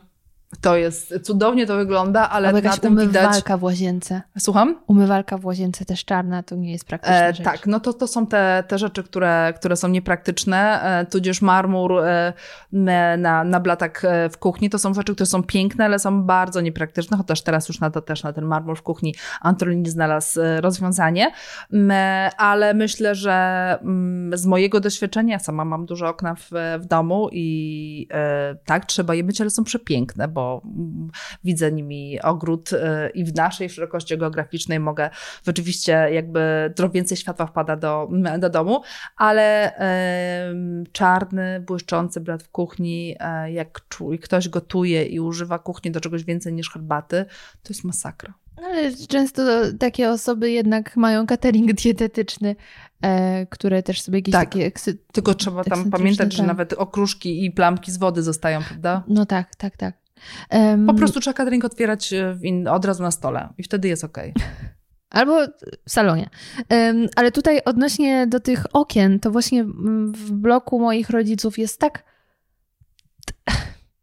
dziwne rozwiązanie, żeby tutaj też dyplomatycznie wyjść, bo proszę sobie wyobrazić, że mm, powiedzmy na wysokości tutaj, jak jest grzejnik, zaczyna się okno, e, dość duże okno i prawdopodobnie ze względów bezpieczeństwa powyżej któregoś piętra, wiadomo, część okna się nie otwiera, żeby nikt nie wypadł. I e, okno jest podzielone w połowie i górną część można sobie otworzyć, dolnej nie. I ja mam dwumetrowego brata który ma długie ręce, nawet on nie byłby w stanie dolnego okna umyć. I to jest takie fantastyczne rozwiązanie. Będziemy mieli brudne okna. No trzeba by firmę z zewnątrz już za zamawiać, żeby z zewnątrz umyła po prostu. Nie, są takie myjki, które są magnetyczne, że się przyczepia i z tej No strony właśnie, ale trzyma. czy można ufać, że ona nie spadnie? Tak, jak najbardziej. To są urządzenia bardzo dobre. Albo też są karczery na wysięgnikach. Ręczne. Mm. No nie do dużych Mhm. okien trzeba mieć karczer na wysięgnikach, bo się nie umyje całego okna, prawda? Więc y, jak najbardziej ja sama jestem y, posiadaczą, posiadaczką takiego karczera do mycia okien właśnie z wysięgnikiem i to jest super sprawa. Okej, no to już wiem, jaki prezent gwiazdkowy rodzice dostaną. Pozdrawiam was serdecznie. Dobrze. Są ładne, żółte. No tak, to, to, to, i, i takie dość kompaktowe. Dobrze. y, Kolejne pytanie od Agaty. Czy jest jakiś trend, który sprawdza się zawsze i wszędzie, zarówno w pięknym, dużym, jasnym pomieszczeniu, jak i w ciemnej klitce? Y, Obstawiam, że y, porządek to już w ogóle odhaczony, wiadomo. E, Porządek i naturalne materiały. e, Mniej, ale lepsze. Mhm. A jest y, y, pytanie bonusowe ode mnie. I sztuka. Żeby nie zostawiać, żeby jakby bawić się tą sztuką w domu. Mhm. No tak, tutaj nie mamy za bardzo takiego doświadczenia, myślę, jako naród. W ogóle, w ogóle. Jedyne co to jakieś em, sakralne, powiedzmy, e, ilustracje, I w makatki obrazy. i e, je- jelenie na rykowisku. Ojejku, tak. E, Myślę, że nie, ale ludzie coraz są bardziej odważni, mamy coraz większą ilość fajnych artystów, więc widzę to w różowych barwach. Mhm. Ale moje pytanie bonusowe było o... O co było moje pytanie? Ale było dobre. E, Wielka, muszę zobaczyć, jak to brzmiało. A! Ikea. Co pani sądzi o Ikei w ogóle? Czy to jest- Mam takie mieszkanie, które, które kupiłam sobie, e, jak jeszcze byłam. Nie, już studiowałam. E, Pracowałam już kilka lat. E, To było dawno, dawno temu. Em, I, kiedy mieszkania kosztowały po o, 90 tysięcy złotych, były takie czasy. e, I kupiłam sobie mieszkanie, które sama później wyremontowałam. I żeby. No i nie, nie stać mi było na nic poza oczywiście Ikeą. I oczywiście miałam kuchnię z Ikea, która do dzisiaj w tym mieszkaniu jest, ja je teraz wynajmuję i świetnie się trzyma, a na sofę z Ikei, ponieważ już e, mi nie starczyło, to musiałam wziąć kredyt z Ikei. E, i uważam, że do takich rozwiązań to jest cudowne rozwiązanie. Absolutnie. Po pierwsze, ich przestrzenie magazynowe wszystko jest płaskie, więc te magazyny, te paczki, nie, nie jakby to jest ekologiczne, nie, te kartony nie są ogromniaste. Po drugie, to naprawdę jest dobry design za niskie pieniądze dla osób, które jakby potrzebują, yy, no nie stać ich po prostu na to, żeby to było inaczej. Gdzie mają inaczej indziej iść? Do Bodzio Meble? No, nie, nie, jakby nie ma alternatywy. Jeśli ktoś chciałby, żeby to było po prostu m, jakoś wyglądało, po pierwsze, po drugie, mamy tam też mnóstwo dodatków, że to wnętrze może być wypełnione, prawda, tymi dodatkami, które, a gdzie indziej kupimy dodatki, jak nie mamy za dużo pieniędzy? W sklepie wszystko po 5 zł? Jakby no nie ma, w Bodzio Meble też nie ma dodatków, prawda? A tam chociaż jakieś ozdoby, dodatki, trochę świeczek. Uważam, że to jest urocze, super y, się wpasowało w, w rynek. I, a z drugiej strony, jak mamy mieszkanie na wynajem, e, to inwestycja w meble z Ikei powoduje, że naprawdę no, jest to jakby ładnie wygląda, sprawdzone, przyjemne i nie szkoda, jak ktoś zniszczy. Ale też dość trwałe. No, ja uważam, Mm, że tak. naprawdę ja nie używam, bo robię inne projekty, ale sama kiedyś używałam i są w tym mieszkaniu, które wynajmuję i uważam, że one mm, są naprawdę w porządku. Bardzo się dobrze trzymają. Jeszcze kuchnia z blatem z drewna do dzisiaj funkcjonuje świetnie. Pięknie, czyli macie tutaj e, błogosławieństwo od architekta, możecie iść do Ikei. E, kolejna rzecz, pytanie od Hani. E, I to już będzie ostatnie pytanie. Nie, jeszcze przedostatnie. Jak często zdarzają się klienci, którzy wymy- wymyślą sobie coś i za nic w świecie nie ustąpią? Mam na myśli sytuacje, w których dana rzecz będzie wyglądała okropnie lub jest naprawdę niepraktyczna, do tego ciężko ją znaleźć, ale klient jest gotowy czekać miesiącami i lub wykłócać się. Nie kłócimy się z klientami, ponieważ przeszłam szkolenie manipulacji. to nie ma potrzeby się To nie ma potrzeby się kłócić, ani, e, ani e, nie mamy problemu z opierającymi się klientami. Mhm. Nie, bo myślę, że każda racjonalna, każda, każda racjonalna osoba, a klienci, którzy do nas przychodzą, są racjonalnymi ludźmi, jakby jest w stanie przyjąć ileś tam racjonalnych argumentów a propos błagam, nie rób tego.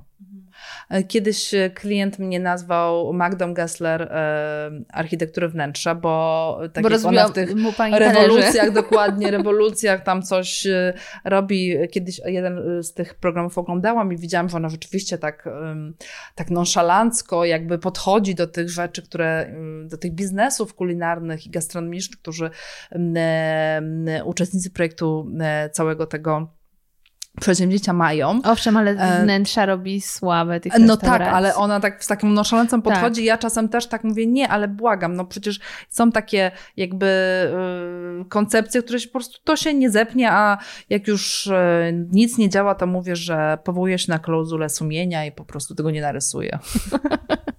Można. Już y, jak, jak lekarz. Jak lekarz może, to architekt też może. Oczywiście, że tak. E, dobrze, i ostatnie pytanie jest od Juliana. Jak trend na minimalizm pomógł lub przeszkodził w pracy? Ani pomógł, ani nie przeszkodził. Ja myślę, że minimalizm jest e, szeroko pojętym trendem, który nie jest tylko trendem w projektowaniu, prawda, ale w ogóle w podejściu do, do życia e, w wielu, w wielu kwestiach. On w żaden sposób nie przeszkodził. Jeśli chodzi o pomoc, to na pewno to, że ludzie zaczęli zdawać sobie sprawę, że zbytnia ilość kurzołapów jest tylko i wyłącznie problematyczna, ale ludzie to wynieśli z domu, gdzie było mnóstwo rzeczy na wierzchu i jako ci nastolatkowie czy też dzieci musi to sprzątać i dlatego nie chcą koncept przywożenia y, pamiątek z jakiegoś ciechocinka, z mieć. E, między Moja mama pochodzi z Ciechocinka.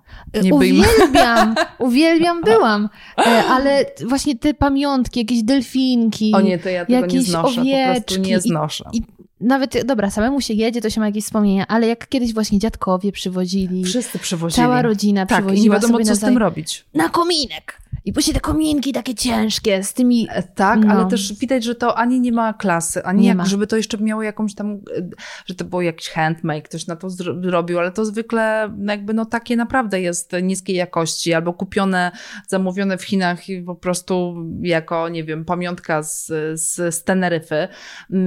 No uważam, że to w ogóle nie tędy droga. Jakby wolę zaoszczędzić te pieniądze, kupić sobie coś lepszego, Jako pamiątkę na przykład bransoletkę jakąś wyjątkową. E, coś związanego z, z, tym, z tym wnętrzem, albo coś właśnie ręcznie robioną, nie wiem, torebkę, cokolwiek, ale no nie magnes na lodówkę, ani durnostojka. Nie lubię tego, bo jak już mamy takie rzeczy, to dbajmy o to, żeby one były czyste, ale te rzeczy ustawione, brudne, na mnie prywatnie jak płachta na byka e, działają. No po co? Mogę mieć pustą półkę, ona też będzie wyglądać z jedną książką, z jedną rzeczą, ale po co tych rzeczy tam mnóstwo, prawda? To nie ma żadnej kompozycji.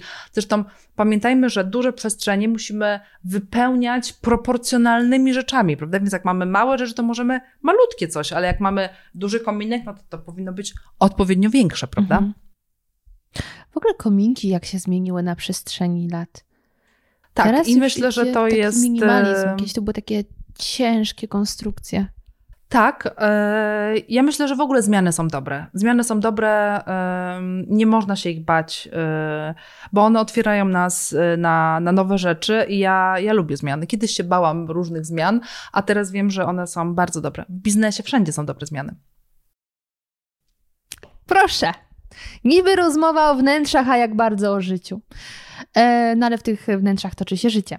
Dobrze, moi drodzy, to było tyle pytań e, z kącika Expecto Patronum. Bardzo dziękuję za Waszą aktywność i Wasze wsparcie. I myślę, że powoli zbliżamy się do końca, e, ale zastanawiam się, czy uważa Pani, że jest jeszcze jakiś wątek, który, który warto byłoby tutaj podjąć albo podkreślić jakąś myśl? Może już celem podsumowania? Celem podsumowania myślę, że mm, mam taką, takie może wewnętrzne przekonanie, misję, bardzo bym chciała, żeby te wnętrza w Polsce, żeby wszyscy żyli fajnie, e, żeby te wnętrza były naprawdę przyjemne, bo uważam, że my jako ludzie byśmy my moglibyśmy żyć y, spokojniej, ciekawiej, bylibyśmy otwarci na różne rzeczy, e, nie zamykalibyśmy się w tych swoich właśnie krzywdzących przekonaniach, że tego się nie da, tam to się nie. To jest tak, jak widać na budowie. Nie da się, pani, tak się tego nie robi. Kto panu tak to E, spierdolił? kto- Dokładnie tak. To są rzeczy, które mnie osobiście no, nie mogę słuchać. Po prostu ludzie w kosmos latają, a tu się nie da po prostu czegoś zrobić. No wiadomo, że się da, tylko trzeba zaangażować się, pomyśleć. Jakby to właśnie to jest ten postkomunistyczne, czy się leży, czy się stoi, to i tak się należy, Mhm. prawda? No do cholery jasne już nie. Jakby to nie jest tak, że my, my, ja mam ochotę zawsze, zawsze w takim mom- momencie powiedzieć, naprawdę buduje się we mnie i e, jak nie przeklinam w ogóle w życiu prywatnym, tak w pracy jakbym mogła, to bym po prostu co drugie słowo przeklinała. Też jak Magda Gessler. E, dokładnie, bo uważam, że czasem po prostu, no, albo że to będzie trudne, o Jezu, ale tu trzeba dociąć, a matka, a tu trzeba taki detal. No po co? No po prostu aż się bierze po prostu na człowiekowi, na, ciśnie się do ust, no weź nie pierdol, po prostu weźcie do roboty, bo i tak to trzeba zrobić. I tak to trzeba zrobić. Ale tutaj to będzie taki trochę inside joke, tutaj bardzo, bardzo inside, bo tylko to y, moja mama wyłapie, ale mamy taką jedną bliską osobę, która też właśnie prowadziła biznes i mówiła, że jak się czasem kurwą nie rzuci, to nie zrozumieją. I to jest prawda, że niestety W, neo, w neurolingwistyce jest tak, że do każdej osoby mm, powinno się przychodzi, e, mówić ich językiem. E, I e, tak jak są klienci, do których powinno się mówić w sposób elokwentny, jak najbardziej, tak są też panowie na budowie, których, jeśli podejdę do nich i powiem, przepraszam panowie, czy moglibyście odrobinkę tutaj przesunąć ten karton, ponieważ chciałabym przejść i z dobrej perspektywy zrobić sobie zdjęcie tego właśnie tutaj detalu, to pomyślą na mnie w zasadzie, no kurwa, pojebało ją po prostu. A jak podejdę, będzie, ej, weźcie ten karton, zdjęcie muszę zrobić, to Jezu, momentalnie to do, do, jakby pójdzie do, e, do zrobienia, prawda? To jest tak, e, e, Agnieszka Arnatowska, która uczyła mnie mm, neurolingwistyki, którą e, bardzo, e, bardzo polecam, opowiadała mi e, pewne, pewne zdarzenie ze szkolenia, które miała i po szkoleniu w Sopocie wszyscy poszli na jakąś tam imprezę, no i jeden z chłopaków wyglądający na takiego inteligencika, szczupłego w okularach, stwierdził, że on chce kebaba w nocy, prawda? No i idzie i widzi, że idzie do tego kebaba i wi- nagle widzi, że już nie może się wycofać, a pod kebabem, kebaba właśnie pan z kebaba zamyka, a pod kebabem stoi pięciu takich gości i już nie może zawrócić. A oni stoją wkurwieni. Stoją wkurwieni na maksa, ponieważ ten gość z kebaba zamknął ze strachu przed nimi tego kebaba i siedzi w środku. okej. I on stwierdził, dobra, jak będę, nagle skręcę, to i tak mnie zaraz za, za, zawołają czy coś, bo po prostu są wkurwieni, więc komuś będą chcieli coś zrobić, więc muszę tam dojść i zagadać z nimi, prawda? I stwierdził, Jezu, jak podejdę, taki miły chłopak, yy, podejdę, powiem, ojejku, ja też miałam ochotę na kebaba, yy, to może to się różnie skończyć. Podszedł do tego, do tych gości i nagle ten inteligencik yy, szczupły w okularach mówi, no kurwa chuj pojebany po prostu, no kurwa zamknął kebaba? Ja tak miałam ochotę, wy też tak macie? Oni, no. Podszedł do Już tego pana, zapukał do tego pana od kebaba i powiedział, przepraszam pana bardzo, czy mógłby pan by tutaj, ym, chciałbym tego kebaba zamówić. Tu panowie są bardzo sympatyczni, nic panu nie zrobią. Z każdym zagadał tak jak chciał. Na- Najtrudniejsze w, tym, w tej nocy w dotarciu do hotelu było to, żeby wmówić tym nowo poznanym kolegom, żeby, że nie idzie z nimi dalej chlać na plażę. A mogło, mogło się to skończyć, no myślę, że nawet w szpitalu, prawda? Mogło. Różnie to bywa pod kebabem e, o trzeciej nad ranem. To jest, E, ale to jest właśnie dyplomacja. Dyplomacja to nie jest y, savoir vivre na zasadzie, o tutaj ładne musimy mieć dobrze ułożone sztućce. Dyplomacja to jest się dogadać z każdym, nawet jeśli wymaga to rzucenia soczystą kurwą. E, Uważam, że w ogóle bycie otwartym na różne typy ludzi, a budowlanka i w ogóle cała ta architektura, architektura wnętrz to jest jedyna branża na świecie, gdzie spotka się pracownik, który nie potrafi dobrze napisać SMS-a i wykwalifikowany e, człowiek po mm, studiach MBA na Oksfordzie, prawda? I muszą się komunikować, więc po to jest architekt, który tutaj i tutaj będzie rozmawiał me tak samo. I widzicie, i to była rozmowa o życiu, a wnętrza były tylko y, Pretekstem. pretekstem żeby się spotkać. Więc ja już y, jako swoje podsumowanie y, muszę powiedzieć, że mimo, że byłam jak najbardziej tutaj w tej rozmowie i słuchałam z zafascynowaniem, jestem w ogóle już od dzisiaj oficjalną, oficjalną fanką, to jednocześnie mój mózg, druga półkula, już mimo braku orientacji przestrzennej i wyobraźni, wiem, co muszę zmienić w tym mieszkaniu małym kosztem, żeby było przyjemniej. Także dziękuję za to. Dziękuję. Super. Mam nadzieję, że też czujecie się zainspirowani na różnych podłożach, nawet jeśli właśnie szukacie kursów NLP. Go for it. E, pani Kasiu, bardzo dziękuję. To ja dziękuję za zaproszenie. Cóż mogę powiedzieć? Życzę Pani klientom, klientom, żeby po prostu na Panią trafili i jestem przekonana, że będą żyli w dobrych przestrzeniach i życzę jak najwięcej ciekawych wyzwań, żeby jednak Super. tutaj ciągle trzeba było się y, uczyć w cudzysłowie na nowo. Tak, to wyzwania to moje drugie imię, e, jak najbardziej uwielbiam je i ja również dziękuję za zaproszenie i mam nadzieję, że słuchaczom się podobało. Bardzo dziękuję. I jak wrażenia? Ciekawa jestem, czy ktoś z Was również, podobnie jak ja, poczuł się zainspirowany do wprowadzenia jakichś zmian w swoim otoczeniu, w swoich wnętrzach, a nawet jeśli nie, to mam nadzieję, że miło spędziliście z nami czas. Serdecznie zachęcam Was do tego, abyście odwiedzili stronę pani Katarzyny. Jest to strona kraszewska.com, gdzie możecie e, zobaczyć realizacje, które wyszły spod ręki pani Katarzyny i jej zespołu. Jest to naprawdę uczta dla oka, także polecam. Polecam też, jeśli macie wolne dwie sekundy swojego życia, abyście wystawili podcastowi ocenę najlepiej 5 gwiazdek w aplikacji, w której słuchacie. I to wszystko, co przygotowałam dla Was w dzisiejszym odcinku. Przypominam, kolejny odcinek już za dwa tygodnie, także warto subskrybować, aby żaden nowy podcast Was nie ominął. I to tyle. Bardzo Wam dziękuję i do usłyszenia już niedługo.